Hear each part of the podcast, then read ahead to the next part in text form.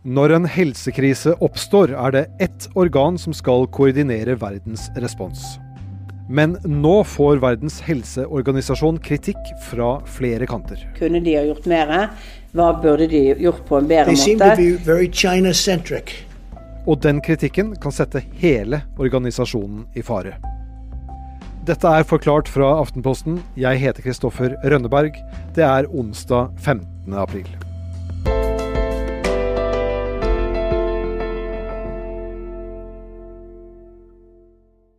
Verdens helseorganisasjon er FNs eh, fremste organ som jobber med helse.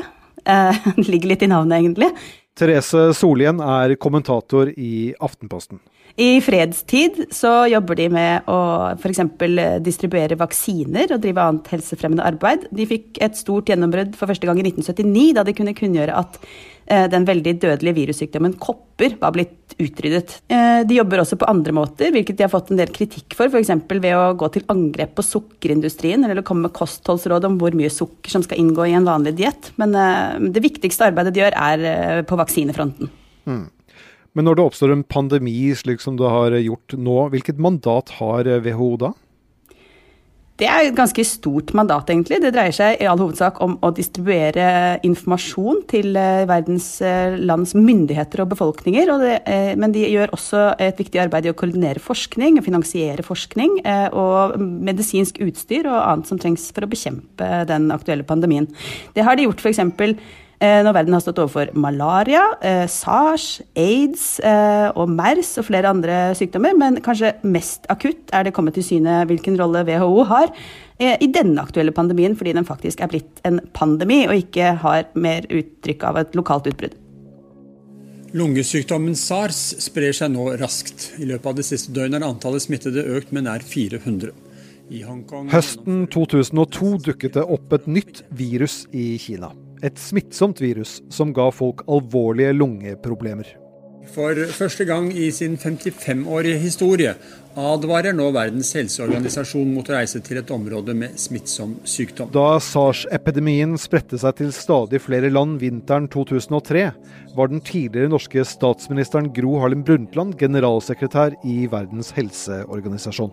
Lederen for Verdens helseorganisasjon, Gro Harlem Brundtland, Med Brundtland som leder tok WHO en global lederrolle for å håndtere det nye virusutbruddet. For første gang kom organisasjonen med klare instrukser om å unngå å reise til områder med smittefare. Tidligere var det landene selv som kom med slike reiseråd. Brundtland fikk også mye skryt for å gå åpent ut med kritikk av kinesiske myndigheter, fordi de hadde tilbakeholdt informasjon om viruset. Kritikken gjorde at Kina bidro med mer informasjon, noe som igjen bidro til å forhindre en enda større krise. Denne gangen er det et nytt virus som angriper lunger verden over, og nå har Verdens helseorganisasjon en ny generalsekretær. Tedros Gebreyesus. We also call on all countries to ensure that where stay at home measures are used, they must not be at the expense of human rights. Han er en mann som møter hard motbør for tiden. Vi er straks tilbake. Therese Solien, hvem er Tedros Gebreyesus? Han er den første ikke-legen som, eh, som fyller den rollen i WHO. Han er fra Etiopia, han har vært helseminister i Etiopia, og han er utdannet mikrobiolog. Therese, hva vet vi om hvordan eh, Tedros og Verdens helseorganisasjon reagerte da de først fikk vite om dette virusutbruddet?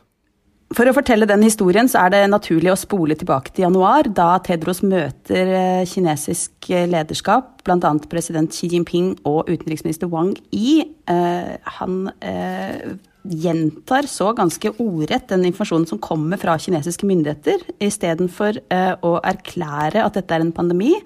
Så får man heller høre en slags hyllest av Kinas respons på dette utbruddet. Det går veldig lang tid før det blir erklært en krise, og det går veldig lang tid før det også blir konstatert at dette sannsynligvis smitter mellom mennesker. Det er naturlig å tro at Verdens helseorganisasjon fikk sin informasjon om smitte fra kinesiske myndigheter, og så gjenga den ganske ukritisk. Ja, eh, hvis vi holder oss tilbakesport til eh, januar, Therese. 14 14.1 så kunngjorde Verdens helseorganisasjon på Twitter at viruset ikke kunne spres fra menneske til menneske. Og dette var jo også da informasjon de hadde fått fra kinesiske myndigheter. Hvordan påvirket det måten resten av verden håndterte dette viruset på? Det er eh, ganske eh, klart at den informasjonen fikk konkret betydning for hvordan andre land valgte å møte denne krisen. Fordi eh, man hadde ikke noe annet å gå på i særlig grad. Det, er naturlig å støtte seg på den informasjonen som Verdens helseorganisasjon kommer med i en sånn situasjon. Eh, da det først eh, i slutten av januar ble bekreftet fra kinesisk hold at det sannsynligvis smittet mellom mennesker, at det hadde forekommet smitte mellom mennesker. Først da innkalte Verdens helseorganisasjon til et krisemøte i Genéve. Den 23. januar så erklærer Verdens helseorganisasjon likevel at det ikke er krise. Tedros sa at smitte mellom mennesker hadde forekommet i, bare i Kina. På det tidspunktet så var det blitt smitte observert i Taiwan, i Japan, i Thailand, i Sør-Korea, i Singapore, på Macao og i USA. Slik at Den informasjonen som da eh, Verdens helseorganisasjon kom med, den fremstår ikke i retrospekt som særlig sannsynlig. Du var inne på Therese, at WHO eh, måtte jo forholde seg til hva kinesiske myndigheter ga dem av informasjon. Og Noe vi vet i dag, som vi kanskje ikke visste for noen måneder siden, var, er jo at det tok en stund før Kina gikk ut med hva de hadde av informasjon om eh, dette utbruddet. Hva, kan du oppsummere kort, hva, hva har WHO sagt om måten Kina håndterte dette utbruddet på i begynnelsen?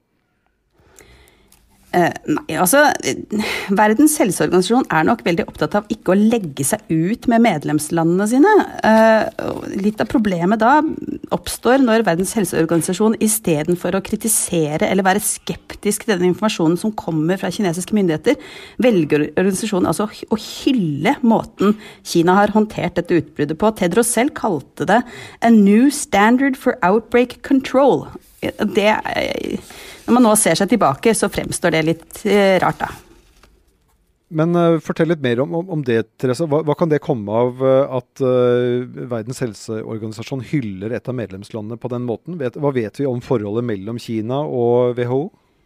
Nei, altså Det er jo vanskelig å si noe om det uten å lyde konspiratorisk. Og jeg tror ikke man skal liksom legge til grunn at det er slik at Kina kontrollerer Verdens helseorganisasjon på noe vis. Men problemet er kanskje at man er så diplomatisk anlagt at man i større grad er opptatt av ikke å eh, hisse opp noen av medlemslandene, når man da står overfor et regime som slett ikke er glad i f.eks. å tape ansikt eller å bli mistrodd eller sette kortene, så ender man da kanskje opp med å målbære et regimes forsøk på å, å legge lokk på, eller å bagatellisere hvor alvorlig dette var i dette tilfellet. Eh, og når man ser seg tilbake, så tror jeg eh, dette vil nok ikke tåle så veldig kritisk søkelys når man nå ser hvordan det gikk. Altså på det tidspunktet hvor Verdens helseorganisasjon erklærer at det sannsynligvis ikke er smitte mellom mennesker, og at den smitten kun har forekommet i Kina, så eh, påstår Kina da at det er 18 døde og 630 mennesker som er smittet i Kina.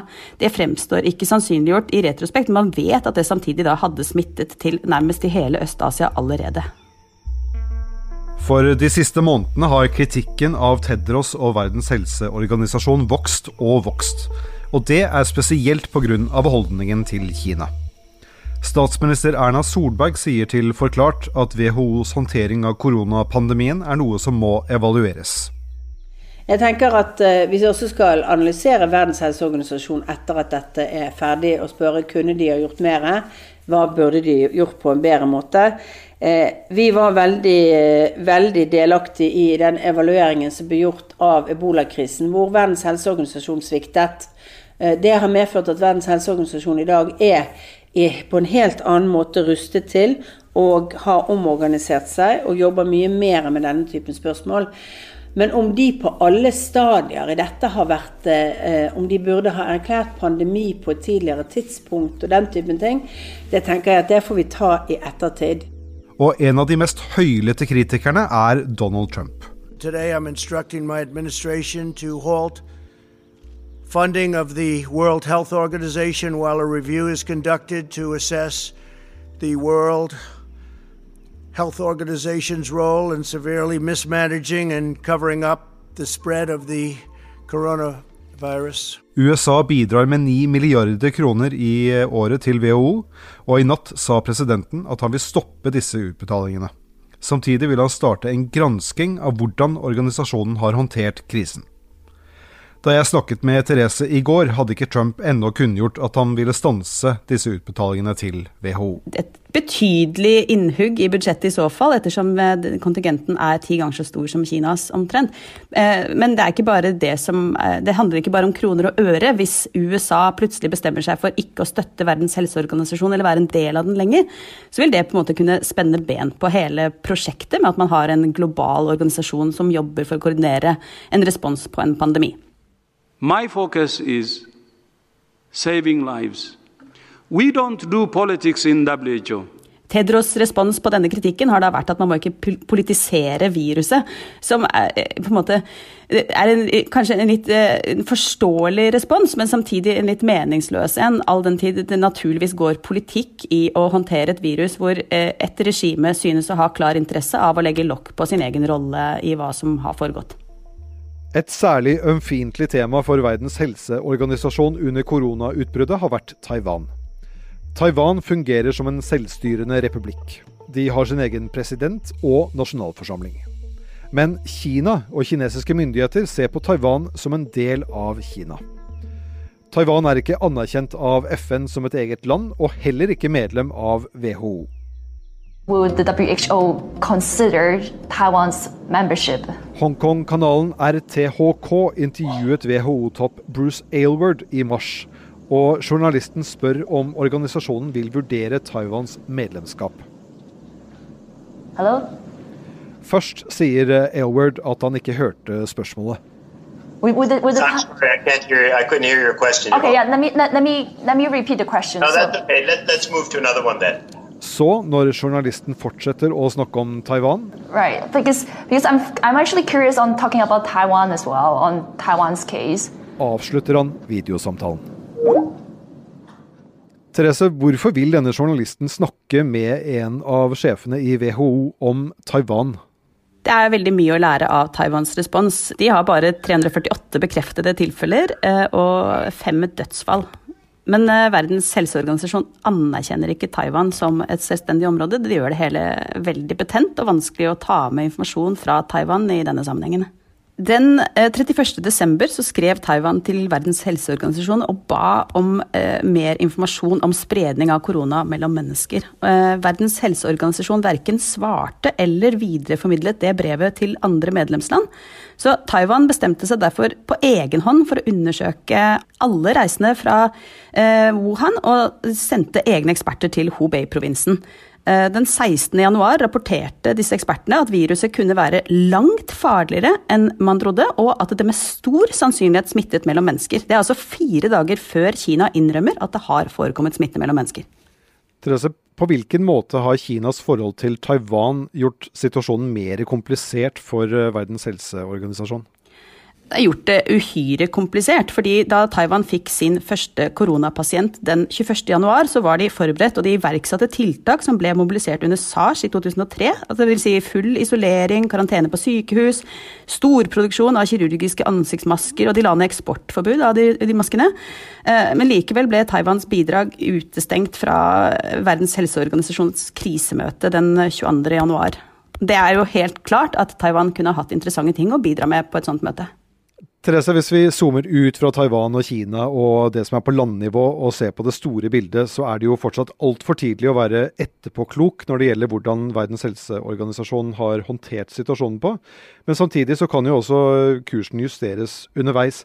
Har Tedros og WHO vist noen tegn til at de tar til seg all kritikken som har kommet nå i forbindelse med hvordan de har håndtert eh, krisen?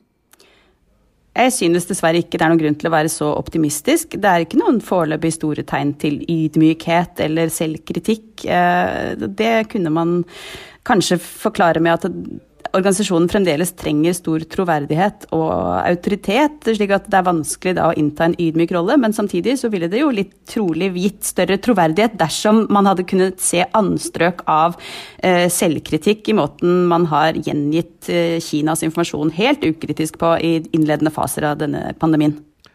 Og Hva ser du for deg fremover? Hva blir WHOs rolle nå i de neste fasene av koronakrisen? Jeg tror man vil fortsette å se til den organisasjonen for å distribuere medisinsk utstyr, kanskje, og koordinere forskning, ikke minst.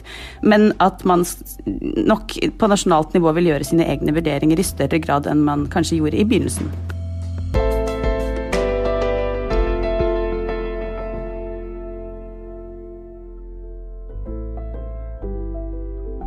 Forklart lages av Caroline Fossland, Anne Lindholm, Fride Næss Nonstad, Andreas Bakke Foss og meg, Kristoffer Rønneberg.